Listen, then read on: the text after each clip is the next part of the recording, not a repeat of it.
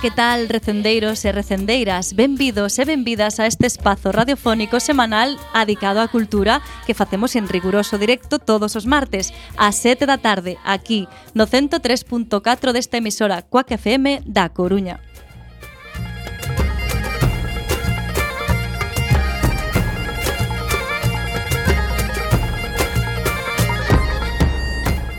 A agrupación cultural Alexandre Bóveda presenta este programa que podedes escoitar polas ondas radiofónicas ou a través da internet e tamén en directo na páxina da emisora cuacfm.org. E se non chegaches a tempo, non tes excusa, compañeira. Podes descarregar todos os programas xa emitidos tecleando cuacfm.org barra radioco e buscando o noso programa Recendo ou escoitalo na redifusión, que será os mércores ás 8 da mañán, os venres ás 13 horas e na madrugada do domingo ao luns, ás 12 da noite. E a partir de agora, seguídenos nas redes sociais, tanto no Facebook como no Twitter, arroba recendofm, onde queremos formar unha comunidade recendeira. Tamén podedes visitar o Facebook da agrupación en a.c.alexandre.bóveda, todo en minúscula.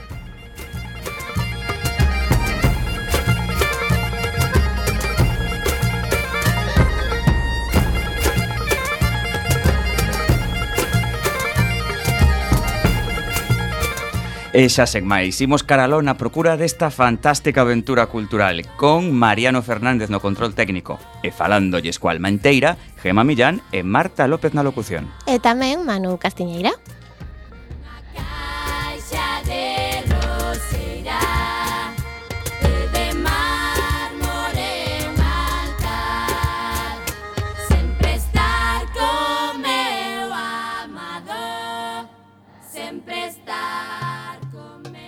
Programa número 237.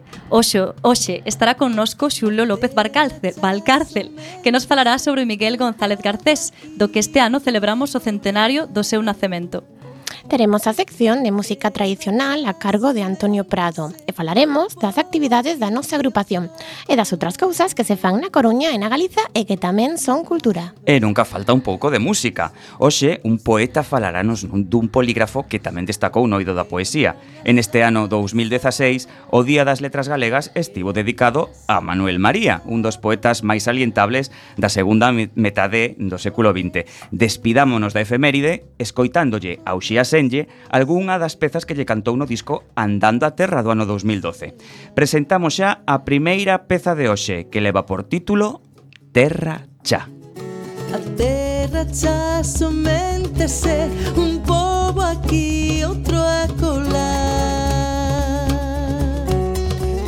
A terra xa somente un pobo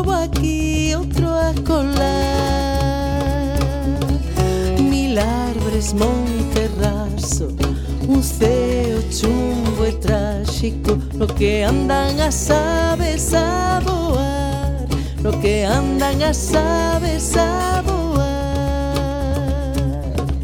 O oh, resto é soedad O oh, resto é soedad O oh, resto é soedad O resto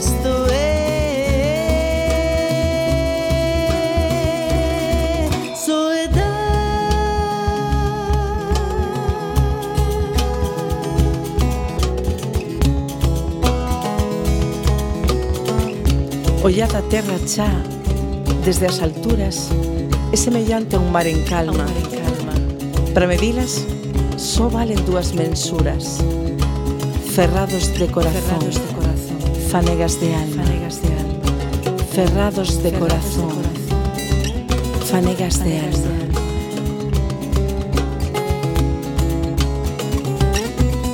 A terra xa somente se un pobo aquí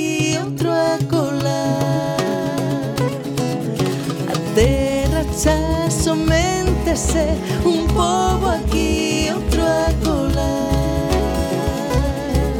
Mil árvores, monte raso, un ceo chumbo e tráxico, no que andan as aves a voar, no que andan as aves a voar.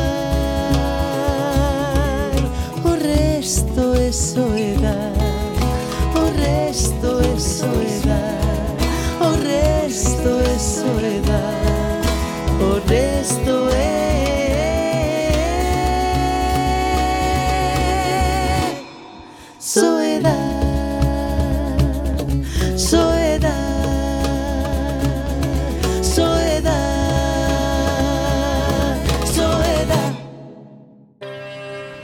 E comezamos cas nosas axendas culturais e, como sempre, empezamos cada agrupación cultural Alexandre Bóveda.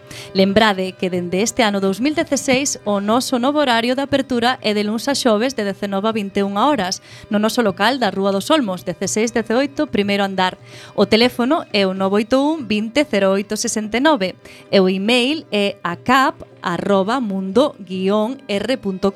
Nese horario E no que falta de 2016 poderase ver a nova exposición do noso, da nosa sección fotográfica fotográfico Ollo de Vidro. Consta dunha sección dunha selección de fotos que realizou o colectivo en distintas exposicións ao longo de toda a nosa historia. Tamén seguen a venda os cinco libros que forman a nosa colección de ensaio reanudada nos últimos anos. Lembrade que son Formas de ver a bóveda, Señardade da luz, o estudo crítico da obra de Manuel María, escrito polo poeta Miguel Mato, Cartafol de Soños homenaxe a Celso Emilio Ferreiro no seu centenario 1912-2012. E logo tamén por Terras de Lugo, oito aproximacións á provincia, con textos inéditos de oito autores lucenses e aspectos da toponimia menor coruñesa. E o luns 19 de decembro, ás 20 horas, Xosé Ramón Freixeiro Mato dará unha charla sobre o idioma galego na cidade da Coruña.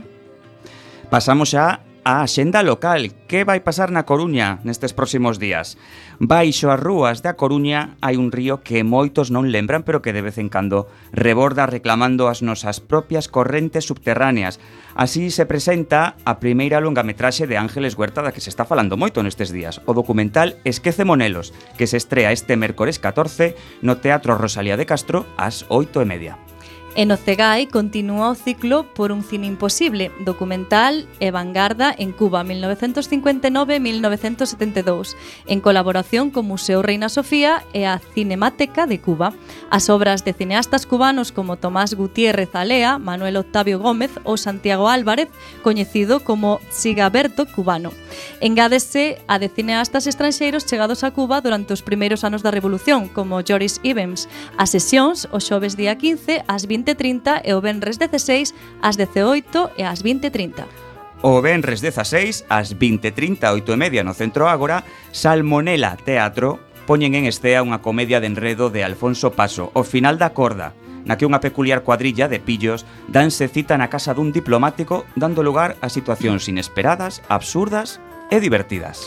E continuou o ciclo principal no Teatro Rosalía de Castro con Tantaca Teatroa e a súa adaptación da obra de Andrés Sopeña El florido pensil, a historia de cinco raparigas sometidas á absurda e ilóxica brutalidade do sistema educativo que dominou a España da posguerra.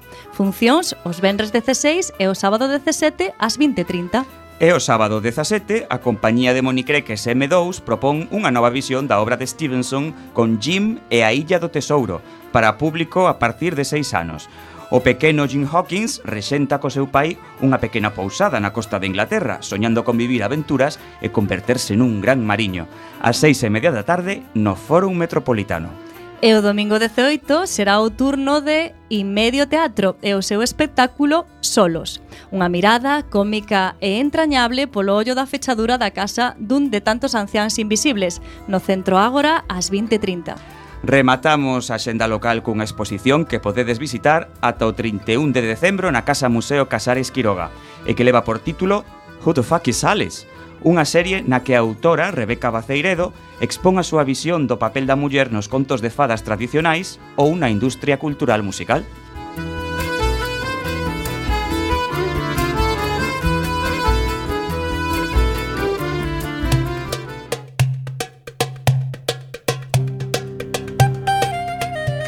E seguimos ca xenda de Galiza, empezamos por Lugo.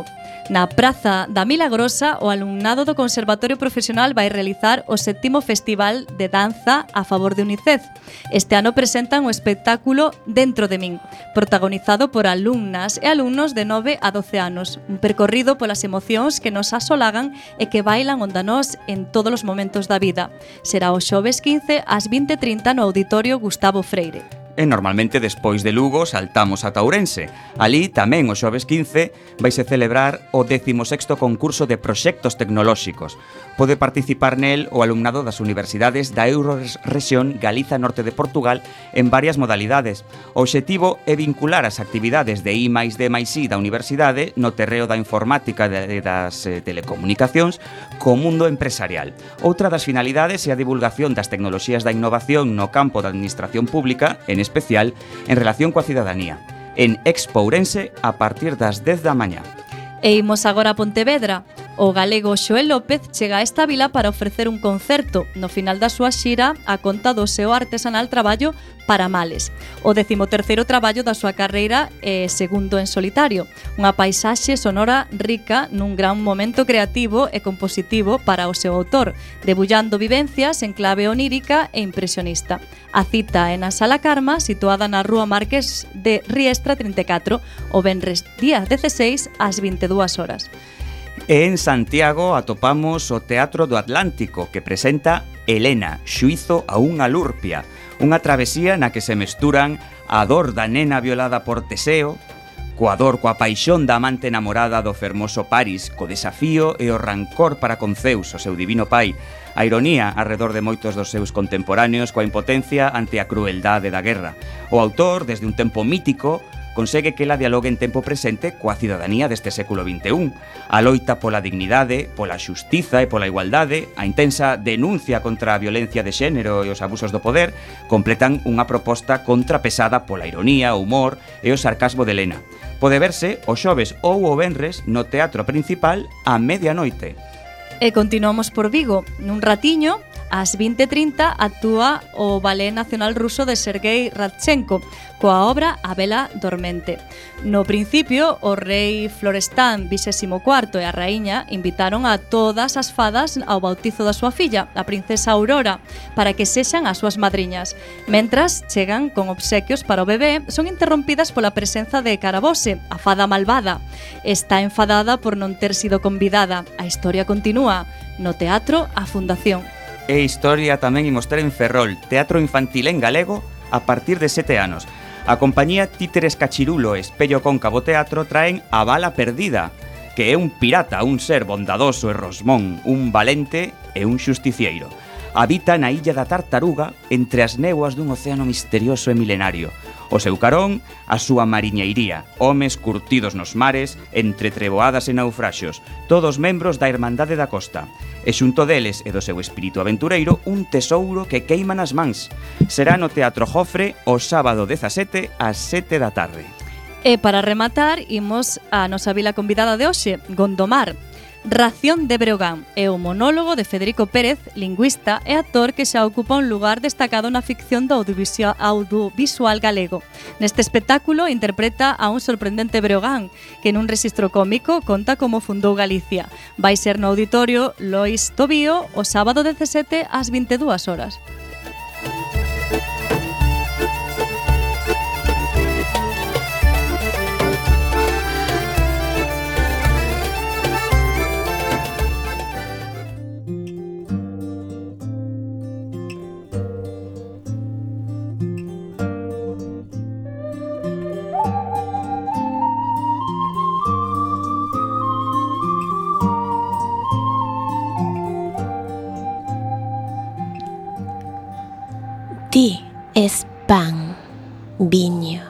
sorriso, luz, tallada copa. Quero un amor que mire, cheire, respire e guste. Que oi a suavidade da pel acariciada, a espiritualidade estética do sexo. Ti, exixente, mimosa, pura, tenra bulindo nas faíscas de espellismos, sentíndote nos bicos dos meus dedos, feimosa como zume dos limóns. Eu non te soño lonxe, sen espacio nin tempo. Teñote aquí e agora, con sonriso de albor e verde erva o meu sal, o meu libro, olor de mar aberto, raiola tremelante que bate no crepúsculo, no cristal da xanela.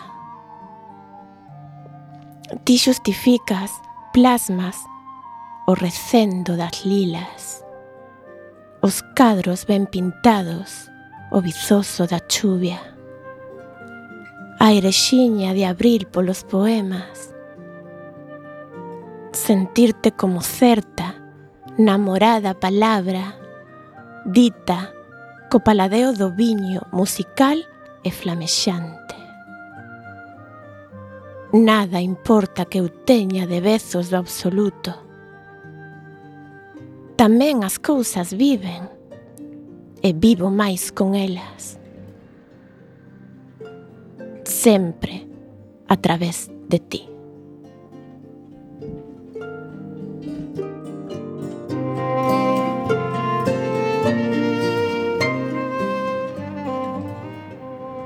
Acabades de escoitar un poema de don Miguel González Garcés extraído do seu poemario Sede e Luz, publicado no ano 1986.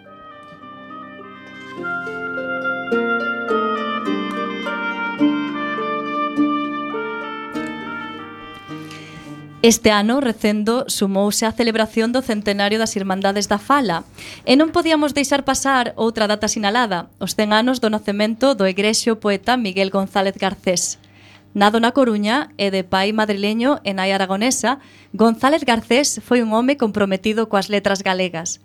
Coñecido principalmente pola súa faceta de poeta, el adicou boa parte da súa vida á difusión da cultura – xa fose dende o seu posto de coordinador das Bibliotecas da Coruña como polo seu labor de articulista, ensaísta e historiador.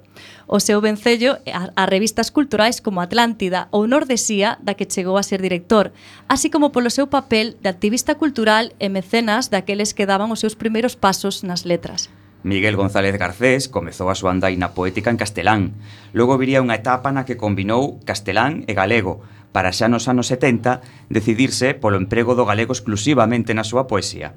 Como obras máis destacadas podemos sinalar Poema o meu mar, Sede de luz, Nas faíscas dos soños ou Un home só na néboa, No Noido da poesía non podemos esquecer o seu traballo como autor de antoloxías, como os dous prezados volumes Poesía Galega Contemporánea e Poesía Galega da Posguerra 1930-1970.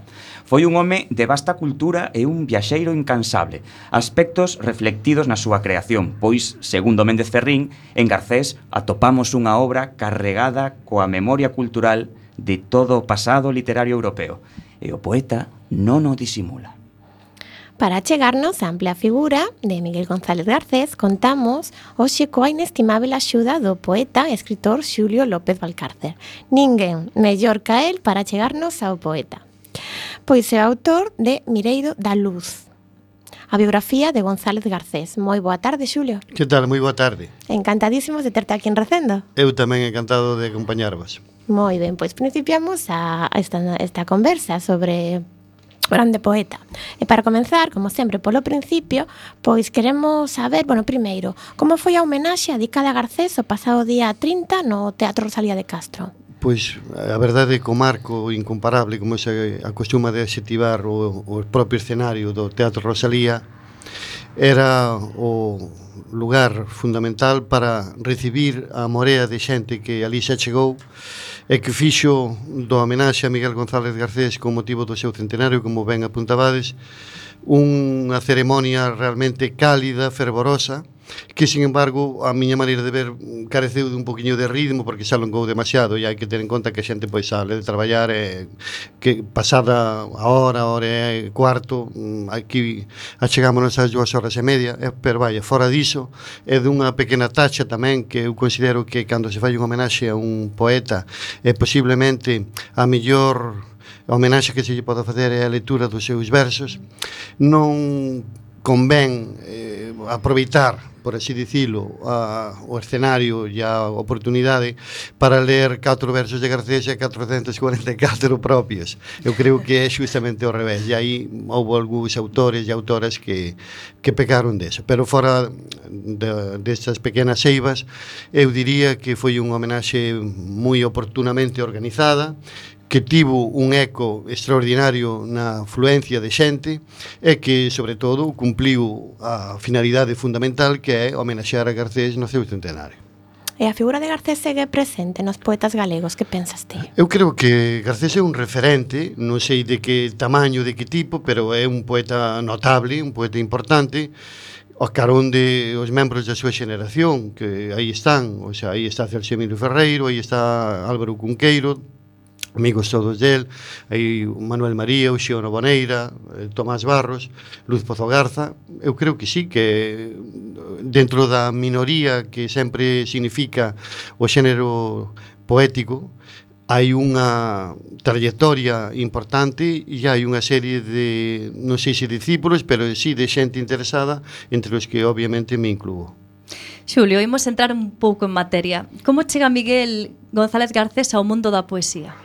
Eu penso que foi unha das súas primeiras manifestacións. El estudou filosofía e letras, sacou o, o número un nas oposicións, logo a bibliotecario. Era, eh, tratou de facer unha cultura, unha educación profundamente humanista, no sentido máis amplio da, da palabra. E eh, dentro dese humanismo, a poesía foi a súa primeira manifestación artística e literaria. El, como ben apuntaba desantes, empezou escribindo en español, como a maioría da súa xeneración, o propio Manuel María, o propio Xino Boneira, o propio Cunqueiro, o que nestes autores que acabo de citar foi unha prehistoria intrascendente, sin ninguna importancia, noutros como Eduardo Moreiras, como Luz Pozo Garza, ou como o propio Álvaro Cunqueiro, e desde logo o Garcés non só tiveron unha continuidade no tempo, senón que mesmo parece a través das conversas e das cartas que mantiveron cos membros da xeración do 27, en concreto con Vicente Alexandre, do que se fixeron amigos mesmo tamén de Gerardo Diego, de facer carreira en español. Quizáis unha vez que esa vía non resultou fructífero que tal, e tamén concienciados pola propia dinámica do, do idioma e da opresión que padeceu a cultura galega naqueles anos duros e dramáticos de posguerra, por un principio de coherencia, por unha evolución natural. O propio Miguel Hernández era un católico ferviente, amigo de Bergamín e da revista Cruz e Raya, e acaba sendo marxista, non sei se leninista, pero desde logo profundamente comunista nunha evolución natural, lóxica e coherente. Desde esa perspectiva, hai que aceptar que toda a xeneración de Garcés empezou desa maneira, habría que esperar a seguinte, a de Bodaño, Bernardino Graña, eh, Méndez Ferrín, para atoparnos mon, escritores monolingües en galego, E eh, tamén, no caso de Garcés, é importante suliñar que era unha persoa que non estaba, aínda que profundamente culto, moi afeito ao idioma. É desfeito nos seus textos vese que non controla o idioma galego ben. Entón, para el, hai que lle reconocer un mérito engadido que foi forzarse a escribir nun idioma que non dominaba. Entón, eu creo que iso é un acto de coherencia e de compromiso coa nosa cultura, coa nosa patria. Uh -huh. E cales eran os seus poetas preferidos? Os, os poetas de, de, de sí. Garcés? Sí. Eu creo que os franceses, os simbolistas franceses, os membros da xeración do 27 español, eh, pois Damaso Alonso, Luis Cernuda, eh, Rafael Alberti, Jorge Guillén, eh, Vicente Alexandre, co que se carteaba, eh, E logo tamén os, os propios poetas galegos mm, el admiraba a Rosalía, detestaba a Curros, etc. Pero vaya, admiraba tamén moito a Luis Pimentel, do que publicou unha antoloxía en Madrid. E sobre todo creo que os franceses, en concreto Paul Valéry, eh, do que fai unha semblanza do cemiterio mariño, e mesmo foi a, a cidade a, Selves a, a visitar a súa tumba. De maneira que a poesía francesa e os simbolistas e o, a xeración do 27 mm, xa non a poesía social de Blas de Otero, Gabriel Celaya Celso Emilio Ferreiro todo eso quedaba máis alleo. El era profundamente culturalista. E podemos atopar o rastro destos eh, poetas na súa obra? Expresamente non, eu creo que non, que é un poeta un poquiño, creo que Basilio Rosada argumentaba yo que reelaboraba moito os textos, é algo que tamén lle pasaba a Juan Ramón Jiménez, que escribían un texto, ao cabo de uns meses volvían a miralo, ao cabo de uns anos volvían a remiralo, e refacíano, e sobábano, acababa, o poema perdía frescura, perdía tersura, perdía eh, pureza nese, nese continuo reelaboración. Garcés veces eu creo que ten ese defecto, un pouquiño efectista e eh, e falto de, de, de espontaneidade, de frescura creo que ese é o, o a IVA que se lle podría poñer dentro dun poeta que ten unha voz propia e que ten un rexistro, unha tonalidade e unhas características polas que se permite identificar os seus poemas eh, volvendo a ese camiño entre, entre o desde o castelán o galego. Sabemos que os seus pais non eran galegos. Non eran eh, galegos, eh, ti, non. Xulia, ata que punto pensas que, que Garcés sentiu eh, unha, unha, unha conversión, digamos, á cultura galega? Supoño que non existe un momento concreto, unha data, unha cifra exata, é un proceso, é un proceso lento, un proceso demorado, un proceso que pasou por diversos estadías e que puderon referirse a unha primeira etapa na que se pretendería facer unha carreira en español e mesmo en Madrid como é unha opción, como a que fixo Camilo José Cela sendo de padrón, non? é que mm, unha vez que iso non, non fragou, non prosperou, e tamén pola propia dinámica, pola súa amistade con os poetas mm, que aínda que eran de expresión española e de, e de cotidianidade castelán, eles falaban entre sí en castelán.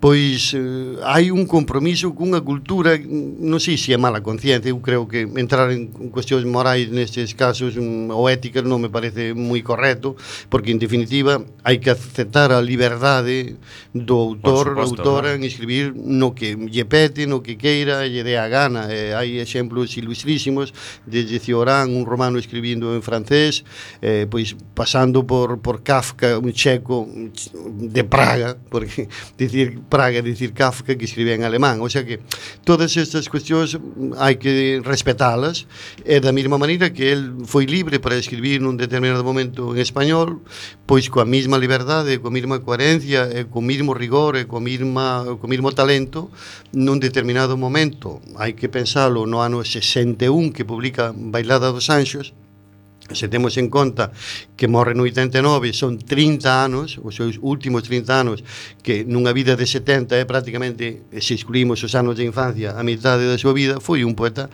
comprometido coa causa galega, é un poeta profundamente coruñés, ou xa, era antes coruñés que galego, pero tamén profundamente galego, e, como tú apuntabas antes moi ben, que fixo esas antoloxías para espallar, para divulgar e dar a coñecer a, a poesía galega a través de dúas antoloxías que tuveron bastante eco naqueles anos e que eh, continúan tendo ese eco todavía hoxe. Pois, sí.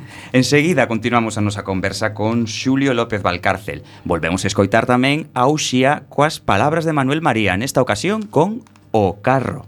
E eh, despois no permaneced atentos porque temos unha sorpresiña. Bueno.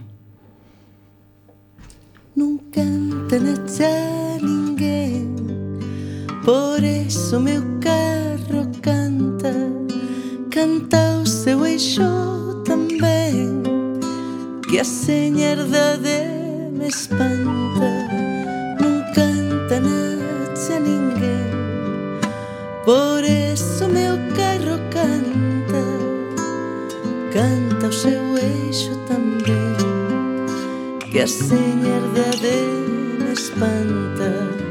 Non hai canto tan fermoso Fino como a un asubío Anque as vegadas saudou faise no ar rechouchío non canta na cha ninguén. Por eso meu carro canta. Canta seu eixo tamén que a seña da de me espanta. O meu carro é cernaduras sabe se carballo e freixo súa feitura que lixeireza do eixo ai, non canta nacha ninguén por eso meu carro canta canta o seu eixo tamén que as señas me espanto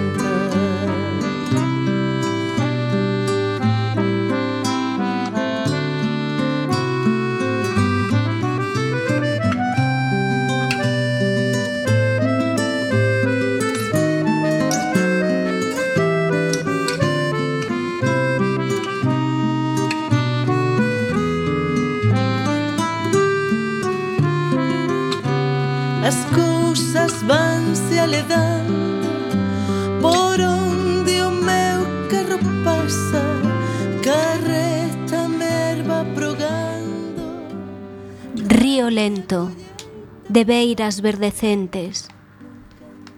Paso espello de ondas, lento, lento espello de aves.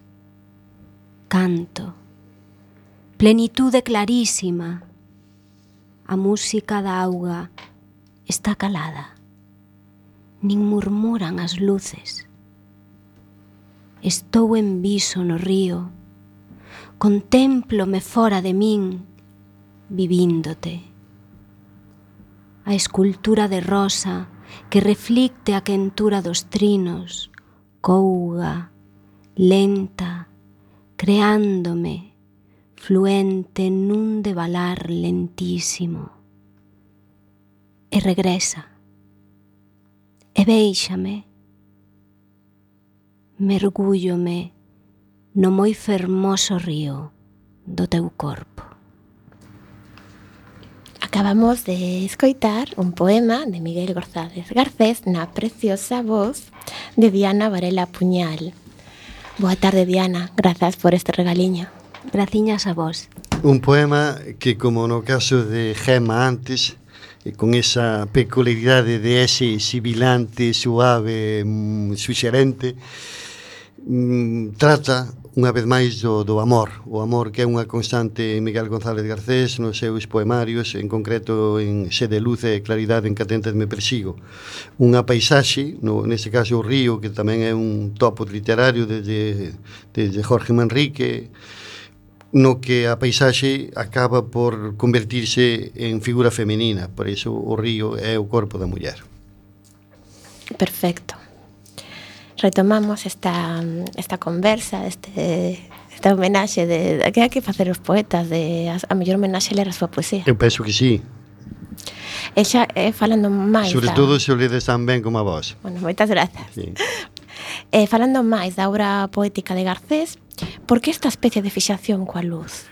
Sí, é certo, eh, máis que fixación é unha obsesión, unha teima, unha constante permanente algo que terá que ver a propia cidade, non? Pensemos que sí. Eh, eh, creo que a, eh, aquí, nunha ocasión que viñera Eugenio de Andrade, calificou a, a Coruña como a cidade da luz, acidulada.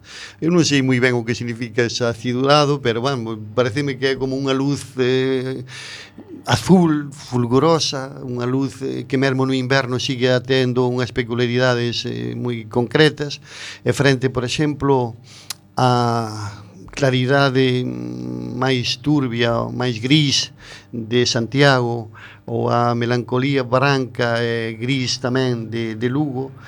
Aquí mesmo no inverno, xa non digamos no fulgor exultante do verán hai unha, en general, salvo días bretemosos, que, que tamén os hai, pero vaya, predomina unha, unha luz moi, moi viva, moi intensa, que Garcés como coruñés enamorado da súa cidade pois trasladou os seus versos. Eu creo que a carón de, desta dimensión puramente física vería tamén unha dimensión simbólica nese, nesa luz, pero efectivamente coincido con vos en que é unha constante reiterada nos seus versos. E a nosa audiencia recendeira que é tan amante da poesía? Que lle recomendas ti para introducirse na obra de González Garcés? Pois mira, eu recomendaría unha antoloxía. Hai unha antoloxía en Espiral Maior eh, que recolle o mellor da súa obra e que sería o máis representativo tamén. Entón, para ter unha visión panorámica, global, eh, diacrónica, desde o principio, desde que empeza a escribir hasta o último libro, que foi candidato ao Premio Nacional de Poesía e que se publicou prácticamente de maneira póstuma porque presentamos na Diputación o día no que o mesmo 12 de decembro do 89 no que falecía, de maneira que ele xa non pudo estar presente, pois esa antoloxía da que eu fixen un amplio estudio, un prólogo, é moi atinada porque explica as bases, os alicerces as, as claves que, que informan o seu traballo e, a, e recolle unha parte sustancial da súa obra. Antoloxía que se pode consultar na amplia rede de bibliotecas Desde aquí logo. da Coruña, Desde que logo. tamén nos deixou este legado. Na biblioteca Miguel González Garcés, que está na rúa Miguel González Garcés, que leva o seu nome. Obviamente, si digo, para, para non esquecer tamén dunha das grandes tamén dimensión de González Garcés, que foi a de bibliotecario e a de profesor pero en concreto estuvo 40 anos de bibliotecario na Casa da Cultura, primeiro no, no, o sea, no Xardín de San Carlos, eh, e logo agora, eh, a través da súa filla Laura, hasta a súa xubilación, pois aquí en Elviña, non? E eh, cales son os teus libros eh, preferidos do, do poeta? Eu creo que os dous últimos, en concreto Sede e Luz, que tuve a, a honra ou a fortuna tamén de presentalo ali cando, cando se publicou. E o último que é un libro moi cultural moi o de un nome sona néboa no que aparecen os seus grandes temas, os intereses que moveron toda a vida de Miguel González Garcés, que é a arte nas súas múltiples expresións, eh, a música, a escultura, o cine, o teatro e, sobre todo, e de maneira moi sobranceira, a pintura. El escribe a través dun desdobramento da propia persona eh, a, eh, mediante o fenómenos eh, sucesos históricos, ben sexa de Picasso, de Piero de la Francesca, de Creo, de Prego, os pintores galegos, de Díaz Pardo, e sobre cuadros en concreto, ou sobre anécdotas ou vivencias como foi a de o fillo morto, que no que o pintor para preservar aquel recordo en vez de choralo a mellor maneira de, de conservalo foi pintalo, non? Entón, todas estas circunstancias Garcés, como persona moi culta, coñecía e se tradounas en este libro que tamén me parece moi interesante. E que é o que máis te interesa destacar da poesía de, de Garcés? Eu creo que unha das cousas fundamentales é a propia sensualidade, a, a sensorialidade e a sensualidade no, no aspecto do sentido, non? O, a vista, o olor, o olor é moi importante, o olfato o tacto o, el é un poeta moi epidérmico, basase moito na pel. A pel tamén é unha referencia, pero non a pel como algo superficial que senón como algo profundo na pel, no tacto está xa o, o esencial. Aí a través do tacto eh, chegamos a un coñecemento do que percibimos a, a través dos, dos sentidos. Os sentidos en Garcés o oído, a música tamén é constante a referencia a ela a pintura, como digo, por tanto a, a vista, é un poeta dos sentidos. A luz que falaba Gema antes, o sea que todo eso mm, desemboca nunha dimensión amorosa. O amor tamén no sentido lato, no sentido extenso, o amor erótico, mm, dicía el, poemas eróticos aos 70 anos, bueno, no, el preguntaba se si era correcto eso, pero efectivamente fixos e moi fermosos, por certo, non? E foi extraño para ti mergullarte na vida dunha persona que chegaches a conocer? Bueno, non só a cheguei a conocer, sino que fun moi amigo de Miguel González Garcés, pasei moitas tardes no portazgo na súa casa de Villa Laura, ali con os coas dalias, coas magnolias, co, sobre todo coas camelias que salen tanto nos seus poemas, eh, as clavelinas, eh, as hortensias, bueno, que ali eran verdad, é que dice moitos, ás veces os poetas hai a célebre anécdota de Villa Espesa cando pasaba con un amuno polo Parque do Retiro e lle dixo, mire, don Miguel, que, que flores tan bonitas, eh, referíndose aos nenúfares, non? Non están que... Como, que, que flores, como se chamarán esas flores? E, e dixo, home, pois, esos son os, os nenúfares que tanto usas ti nos teus poemas, non?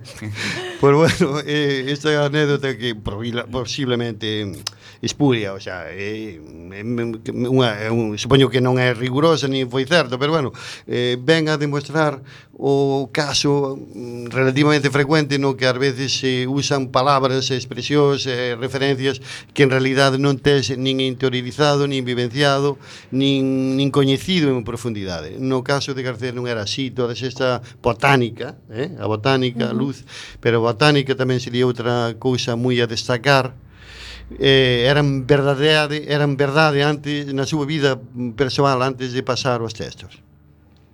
Bueno, como aquí en Recendo tamén deixamos que a música nos penetre dentro das conversas e dentro dos programas imos facer outra pausa esta vez para falar con Antonio Prado na súa sección de música galega.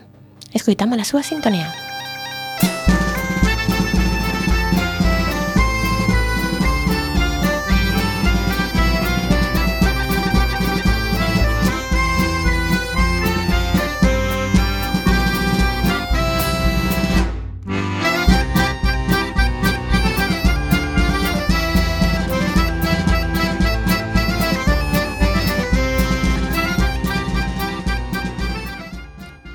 Boa tarde, recendeiras e recendeiros. Non sen magua, hoxe dirixímonos cara terras de Bergantiños para despedir dende este recuncho das ondas a Matilde Castro, unha das grandes referentes no eido da música e o baile tradicional galego que nos deixou o pasado 29 de novembro.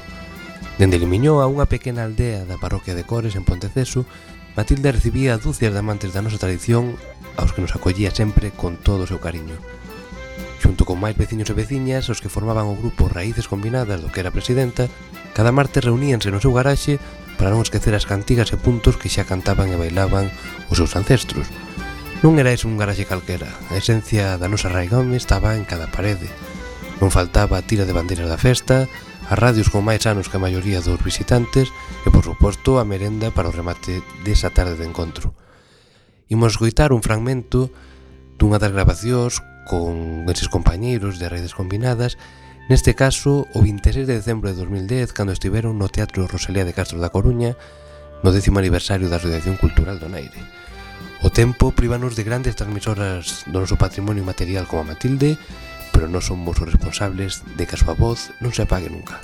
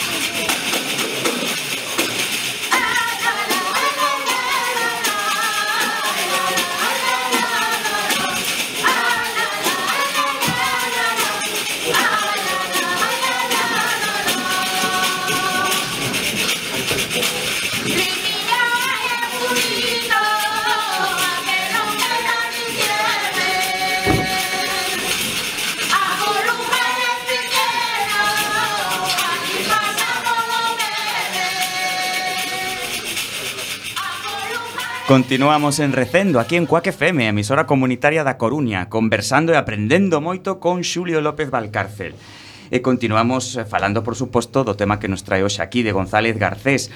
Mm, González Garcés, Xulio, mm, gostaba de viaxar. Xa apuntaches hai uns minutos a súa predilección por polos poetas franceses. Cales eran os destinos que, que máis lle interesaban? Eh, solamente nunha ocasión atravesou o mar e ademais foi por con motivo dunha pericial caligráfica que tivo que facer, non lembro agora ben se foi en Uruguai ou en, ou en Argentina.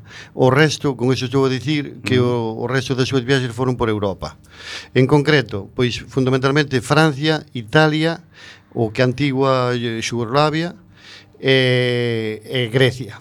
En concreto, Grecia ten unha, unha moita presencia nos seus artículos e dicir que a parte da escolma que publicou Espiral Maiore do libro ese de Mineiro de Luz de la Jovento está próxima a sair unha recopilación dos seus artigos eh, baixo títulos Solo o fugitivo permanece en, que publicou fundamentalmente ao longo de 30 e pico, 40 anos eh, na, na voz de Galicia. É a propia voz a que, a que os publica, se, si realmente se confirma esta, esta posibilidade. Pero respondendo a túa pregunta, Manu, sería Francia, Italia, a centro de Europa e, e Grecia. El tiña moito fervor eh, cando falábamos da luz, isto é unha luz atlántica, pero el tamén amaba moito a luz mediterránea a luz grega, a luz italiana. Sí, sí. Eh, eh, o mellor podemos falar brevemente de outras influencias. En concreto, mm. a min chamame a atención o tema da cultura francesa, porque sei que teña unha relación tamén un tanto especial con Francia. Sí, moi especial.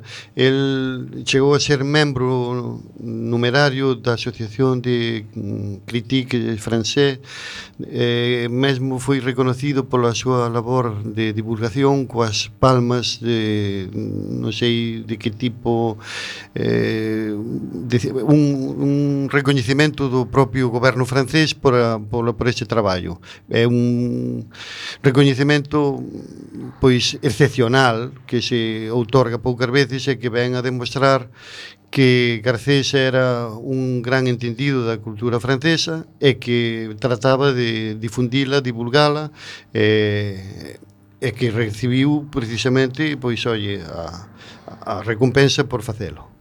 E sabes se chegou a manexarse nestes idiomas? Pois en francés, en italiano... Sí, hai un libro tamén traducido ao italiano que é Licorbo la Fenestra que eh, eh, eu teño falado moitísimo con Garcés pero non sei exactamente os, a nivel de idiomas pois non teño seguridade dos que dominaba pero que, penso que desde logo que se manexaba con soltura tanto en francés como con co italiano non imos preguntar polo grego que ten un pouco no, máis de dificultade. No grego mesmo mesmo che diría que non, que non o manexaba nada, porque hai unha anécdota e é que cando estando nunha illa grega, non sei se en Corfú, Santorini, eh, un señor explícalle en perfecto francés di el, o sea, que o que o idioma que, que se manexaba ali era en francés, vaya. Aso o pasado turco e as dificultades que tiñan os gregos en reconocerse na propia cultura, non? Uh -huh. eh, sabemos que García realizou tamén unha historia da Coruña. Nos queremos tamén falar un pouquiño desta faceta como, como historiador. Eh, porque tomou a decisión de realizar este proxecto? Contanos un pouquiño, por favor. Sí, é que Garcés é unha figura polifacética. Aí está o profesor, está o poeta, está o articulista, está o perito calígrafo, está o bibliotecario e está, como tú moi ben dís, Gema, o historiador. É un historiador mm, un pouquiño aficionado, non un historiador eh, riguroso no sentido profesional do termo, que tivo como base e como destino fundamentalmente a propia cidade. El era un gran amante da Coruña e, e investigou e traballou sobre a historia da Coruña. O seu método, según Barreiro Fernández, non era moi riguroso nin moi académico, porque dividiu unha eh, historia que é monumental de 700 e 800 páxinas a través dos reinados, o sea, reinado de Alfonso IX, o privilexio da sal, etc. Bueno, porque a sal naquel momento era o método que había para conservar os alimentos, entón aí veñen a ciudades como Salzburgo, a costa do sal de Betanzos, era un privilexio que tuvo Coruña e que Garcés traballou moito sobre, sobre ese tema. Pero claro, parece, eu non son tampouco nin entendido neste, nesta cuestión, pero que partillar a historia a través dos reinados non é coherente porque ignora todo o fluxo social da época e os movimentos sindicais, os movimentos revolucionarios e as folgas, etc., que, que naquele momento se daban. Uh -huh. Eh, Xulio, sabemos que quedan moitos escritos sin publicar de González Garcés, verdad? Ou... Mira, eh, eu non quero desmentir esa opinión túa, Marta, porque... entón non é mm, verdade, queda... Eh, eu que, pero que eu saiba... Non, xa non eh, queda nada sin publicar. Non quedará moito, porque eu fun en, o encargado con, de, de facer antoloxía, logo Luciano Rodríguez, o profesor, o prestixioso profesor da, da Facultade de Filoloxía, tamén fixo a edición na Diputación da obra completa de poesía, que en rigor pois, xa debira estar bastante recollido, e agora agora, como vos dicía, o que estaba pendiente que eran os artigos, eh, que eso si sí, había uns 700 e pico artigos, pois eh, eu eh, con un equipo de personas eh, picámolos, pasamos os, a, a través do fillo de, de Carlos, tamén de Laura e de Alberto que nos axudaron neste proxecto, pero no a editorial considerou que 300 e pico páxinas que era de disuasorio a nivel económico e a nivel de leitura entón reduciu nos bastante esas páxinas. Pero ainda así mm, xa digo vai salir unha selección dos artigos que recollen os que se refiren a Galicia o tema de Galicia, o tema das artes e das letras, atendendo fundamentalmente aos pintores, tanto galegos como españoles e universais, e logo, como tú apuntabas, o Manu, o tema das viaxes, non? que sería a última etapa. Uh -huh. E fora da súa obra poética, que libros nos recomendarías? Pois quizá estes artigos, estes, estes artigos que van sair o, co, con ese título Solo o fugitivo permanece que é un verso de, de Quevedo é que sale en español porque o 99% dos artículos están en, en esa, vamos, nesa lingua. Hai tamén dous ou tres que meto en galego, que escollín en galego, pero que o razonable era poñer o título en español, ainda que as notas e o prólogo meu van en galego, non? Pero Pero, vamos, iso sería un libro tamén moi recomendable. É moi actual. Tan actual que ainda non saliu, pero vaya. Saldrá, esperamos... antes de Nadal salirá porque pode ser un bo, re... un bo agasallo para que estas... A idea era que salira, hoxe estamos a 13, mm. cúmplese xusto o cabo dano do seu pasamento. Eh, contábamos tanto a familia como a min que, que salira nesas datas. Eh, son destes libros que sacan co xornal e con unha cifra módica a maiores levas o xornal e o libro, e, en fin, a ver, so, a ver como, como se concreta ese tema. Estaremos atentos entonces. Pues sí. E rematando xa esta conversa, Xulio, queremos achegarnos tamén ao lado máis humano de, de González Garcés. Un nome, ademais, que estou pensando gran parte da poboación da cidade coñece, porque dá un nome a unha das bibliotecas máis importantes. Como lembras ti a González Garcés? Ou, que nos queres, que queres compartir con nos da, del como, como persoa? Bueno, eu creo que era unha persona moi garimosa, moi fervorosa, cunha gran capacidade de entusiasmo.